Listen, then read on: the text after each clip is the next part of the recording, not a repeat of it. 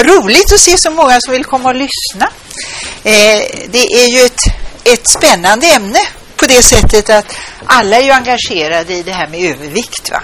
Det kan vi inte slå upp en tidning utan att det står om det.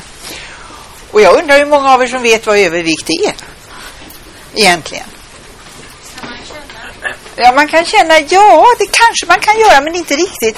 Alltså, man brukar säga så här att övervikt är om, Och man tar sig vad man väger och så delar man det med längden som man multiplicerar med sig själv. Så längden gånger längden.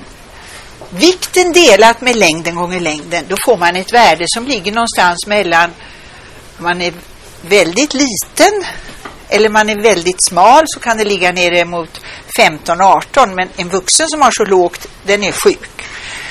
Så att vi kan säga att den ligger i allmänhet vid 20-25. Det är väldigt bra. Utom de av oss som är lite äldre. Vi får ligga över 25. Det är till och med visat att man, har en, man lever längre om man inte är för smal när man börjar bli eh, äldre. Så att mellan 25 och 30 är man överviktig fram till man är 70 år eller något sånt där. Över 30 i det här värdet, då är man fet. Och det ska vi inte vara i någon ålder. Men den där överviktsgränsen 25 till 30, den så att säga, den får man vara när man är uppe i 70 år eller äldre. För det är alltså visat att det är till och med lite bra att man har lite att ta av då. Det kan väl vara en tröst att börja med för oss. För det betyder att man faktiskt kan få äta lite mer lite av varje. Sen är det ju så här då att man har hört, ja men fett är farligt, det blir vi feta av. Men då ska jag tala om för er att ni blir precis lika feta om ni bara äter kolhydrater och protein. Förutsatt att ni kan få i lika mycket kalorier som ni får av fettet så blir ni precis lika feta av det. För kroppen omvandlar allt överskott som vi får i energi omvandlas till fett. Så man kan bli smällfet bara av att äta kolhydrater. Och ni vet vad kolhydrater är mot fett och protein, det behöver jag inte säga. Men det här är ganska viktigt, därför när man nu säger att fett är så farligt så kanske det inte är så farligt. Och jag tror att det är därför man har bett mig komma, för jag brukar säga det, att fett är faktiskt till och med nödvändigt för liv. För det glömmer man ofta. Och det där att det är nödvändigt för liv, det gäller inte det mättade fettet. För det mättade fettet, det är precis det vi gör av både kolhydratproteiner och allt överskott. Så mättat fett, vare sig vi äter det eller vi äter kolhydrater för mycket, så får vi mättat fett. Och det beror på att mättat fett är det som kroppen är mest uppbyggd av. Och då är det inte bara de här lagren vi har, utan jag ska återkomma till det, att fett är faktiskt någonting som vi har i varendaste lilla cell och varendaste lilla celldel. Annars kan vi inte leva. Sen har ni hört talas om enkelomättat fett. Det var så bra nere i Medelhavet. De levde så länge fast de åt massor med fett. Och jag säger, ni hör att jag säger imperfekt. De levde så länge fast de åt massor med fett. För det var för några år sedan det var så. Det är inte det riktigt längre. Och vad beror det på tror ni? Jo, det beror på att de har tagit, och nu får jag säga amerikanska vanor lite, för det är ändå därifrån det kommer, men vi brukar ofta kalla det för western diet. Va? Därför att medelhavsdieten, den är väldigt mycket enkelomättat fett. Och sen har vi ytterligare en grupp som heter fleromättat fett. Och då kommer vi in på den där andra titeln här som var omega 6 och omega 3. Men innan jag går in på det så vill jag bara säga det här enkelomättade fettet då som man åt så mycket medel medelhavsländerna, det kan vi också göra av mättat fett. Men av någon anledning verkar det som att när vi får det i oss så har det en väldigt god effekt. Och exakt hur det fungerar, det vet vi bara delvis, inte helt. Och var finns då det enkelomättade fettet så mycket som gör att det är så bra i Medelhavet? Det vet ni allihopa, det är olivolja som är så oerhört rik på enkelomättat fett. Så att de har ju det som den viktigaste fettkällan i sin matlagning. Och det gör att de får väldigt mycket. De snålar ju inte på annat fett heller, men så är det. Sen har vi då det här fleromättade fettet som vi har i två viktiga klasser. Och det är omega 6 och omega 3. Och varför heter de nu så? Ja, först kan jag säga att vi kan få fleromättat fett av det här också som enkelomättat som vi kan göra själva. Men det är undantagsvis. Därför att det här fleromättade som kallas omega-6 och omega-3 det kan inte vi göra själva. Det måste vi ha i oss. Och de enda egentligen som kan göra det, det är plankton och liknande. Och fiskarna då kan omvandla det som äter plankton. Så att det här är alltså någonting som är livsviktigt när det gäller omega-3. Och det har ni hört talas om för det är väldigt populärt. Men jag tror inte ni har hört lika mycket talas om omega-6. Den är också viktig. Men både omega-6 och omega-3 behöver vi väldigt lite av.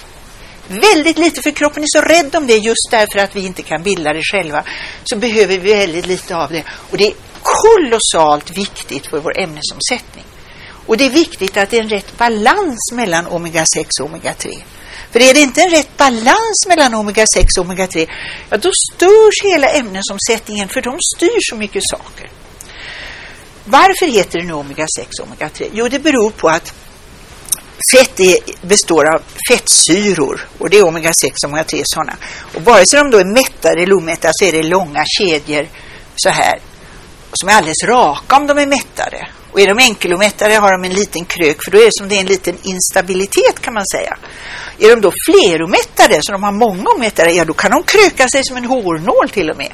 Så ju fler sådana här omättade ställen den har, ju böjligare är fettsyran. Och då är det så att i vår kropp så har varenda cell, vi har miljarder celler, är omgivna av ett fettlager, av ett dubbelt fettlager. Och det där dubbla fettlagret kan man säga är som ett dubbelt staket. Så när det är mättat fett i, vilket är huvuddelen för det ska vara stabilt, då är det precis som raka spjälor så här. Och så kommer det in några sådana här omättade, ja då blir det ju då blir det lite gliper i staketet som ni förstår eftersom jag sa att det var böjligt. Va? Och i de där gliporna då så sitter det nyckelhål, det sitter kanaler, det sitter mottagningsstationer för signaler till kroppen. Och då är det så att de här signalerna som är olika proteiner då, olika möjligheter att saker kan transporteras och, och, och sånt här, de är beroende av hur fettet ser ut i den här membranen. Och där kommer då de här fleromättade in, för de sitter vid de här hålen som ni förstår, så att det liksom blir en kommunikation där. Va? Och då är det så att balansen nu när vi är, ni vet, ingen får äta mättat fett. Det ska vara högst 10 procent, säger Livsmedelsverket, av mättat fett. Och då ska, får även transfetter ingå. Det får vi se om vi hinner prata om. Det är en, en stor historia för sig. Och det gör att vi måste ju ha åtminstone 25 procent fett i dieten, annars så blir vi inte mätta och vi får alldeles för mycket kolhydrater och så får vi för mycket insulin och så blir vi hungriga och så blir det fel. Va? Så vi måste ändå ha minst 25, det är Livsmedelsverket med på också. Men vad händer då när vi måste dra ner på det mättade fettet? Jo, då måste vi göra fleromättat mer. Och det är precis det som har hänt i Western Diet. Att vi får kolossalt mycket omega-6-fettsyror. För de är väldigt, väldigt rikliga i alla vegetabiliska oljor. Och det är det man har istället då.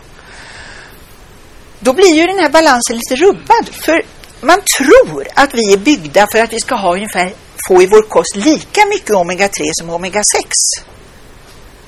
Och då förstår ni får vi äta ganska mycket fisk och grönsaker också, för en del finns i grönsaker även om det är lite mer modersubstans.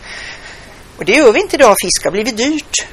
Och det är inte så enkelt och dessutom varnar man för det tyvärr till gravida eftersom det innehåller miljögifter. Vi har ju skitat ner haven så fruktansvärt alltså att fisken håller på att förstör, försvinna för oss. Men man tror då att den här balansen mellan omega-6 och omega-3 ska vara ungefär ett eller möjligen två. Vet ni vad den är i allmänhet idag i USA där man har det största fetmaproblemet? Är det någon som vet? Ja, ni kan läsa eh, snabbmatslandet. Det är en bok som finns i pocket här som är väldigt intressant. Den kan jag rekommendera. Den tycker jag alla ska läsa. Jo, där ligger kvoten ända upp mot 30 till 50. Om ni jämför det med vad man tror det ska vara en till två så förstår ni att då har man rubbat balansen ganska rejält. Och i Europa brukar man säga att den ligger på 10 till 15. Vi håller oss än så länge lite, men vi ligger ju efter i den här fetmaexplosionen. Vi kommer, men vi ligger efter. I Sverige i allmänhet så säger Livsmedelsverket att vi ligger så bra här så det är inga bekymmer.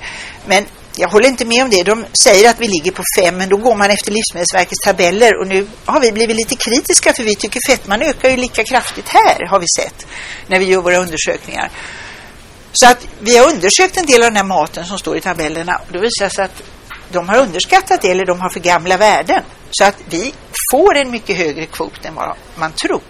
Och det kan förklara då det här. Därför det är nämligen så att får man mycket omega-6 så stimulerar det fettbildning. Medan om man får mycket omega-3 så går det motsatt håll. Och det betyder att även om vi får en hel del mättat fett och vi äter mycket omega-3 så blir vi inte feta. Men om vi äter omega-6 mycket så blir vi feta vare sig vi äter mättat fett eller ej kan jag säga. Så den är, stimulerar fettbildningen alltså. Och det här är någonting som inte man riktigt har velat ta tag i ännu. Men det finns väldigt mycket forskning som visar att det är på det här sättet. Och det gör alltså att när man talar idag om att man ska äta mera omega-3 så är det inte bara för den här metabolismen som jag sa var viktig att det fanns en balans. Va? Utan det är också därför att man tror, eller tror, man ser på djur och så, så ser man att det är sant. Och även en del människoförsök nu. Att man inte ökar lika mycket i vikt, även om man då äter mättat fett. Så att det verkar som man så att säga tar bort lite av farligheten av det och man har en bättre balans i dieten. Så hur ska vi nu göra då om vi ska försöka vara sunda och våra funktioner ska fungera som de ska och allting? Ja, vi ska äta en blandad kost. Därför att vi får i oss, om vi äter smör från kossor som går ute, då är den där kvoten mellan omega-6 och omega-3 2. Alltså väldigt ideal. Men hur mycket smör tror ni finns från kossor som går ut idag? Det är inte så mycket, för de flesta står ju inne i sådana här jättelagårdar med massa kraftfoder. Och då kan man titta på mjölken och titta på djurens kött. Och då är det så här att om de äter gräs eller ensilage som är torkat gräs, då har djuren i sitt fett en kvot på ungefär två, vilket är idealt då. Va? Då är det inte så farligt att äta fettet på skinkan eller på biffen. Men om de har fått kraftfoder, då är kvoten 12. Så det är alltså en väldig skillnad. Det här syns i äggen, det syns i mjölken som jag sa, det syns i smöret, det syns i allting. Så att vi kan lite grann styra det här också beroende på vad vi köper för produkter. Så viltkött till exempel, för de som jagar, det är utmärkt. För där finns mycket, relativt mycket omega-3 va? som vi kan få i oss. I grönsaker, gröna grönsaker finns omega-3 i en del rotfrukter.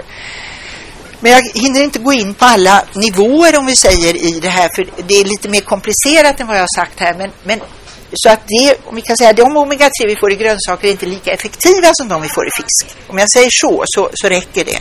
Och en sak som är viktig är att har vi för lite fett och för lite kalorier, då tar kroppen av de här viktiga fettsyrorna och gör mättat fett av dem. Det är ju alldeles åt fanders. Va? Därför de ska de ju vara rädda om. Men alltså det där mättade fettet är alltså som jag säger det viktigaste i staketen runt cellerna. Och det gör att man offrar lite av det här om man får för lite. Och då förstår ni när jag säger att man ska äta blandad kost, va? att det är det viktiga. Och man ska vara lite försiktig med de här vegetabiliska oljorna, utom kanske då olivolja som ju har väldigt mycket enkelomättat. Och ska man ta en vegetabilisk olja, då är rapsolja den bästa. För den har en kvot som ligger ungefär på 2,5. Tar man solrosolja har den en kvot på över 200. Så den är inte särskilt bra. Så att sådana här saker alltså kan ni styra vad ni äter med att ni tänker på bara vad ni tar. Bästa rådet är blandad kost. Blandad kost, inte vara så rädd för fett men se till att ni får i er ordentligt med fisk. Och det räcker inte med fisk två gånger i veckan. Det ska vara mer än två gånger i veckan. Möjligen om ni äter fet fisk så kan det räcka, annars gör det inte det.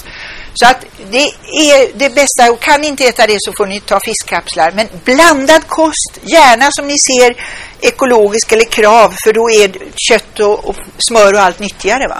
Så att om vi kan uppmuntra till mer sånt så tror jag att, att vi mår bättre. Det här ja. var väldigt, jag hjälper dig ner här för den är lite förrädisk den där, så tack. Tusen, tusen tack Birgitta.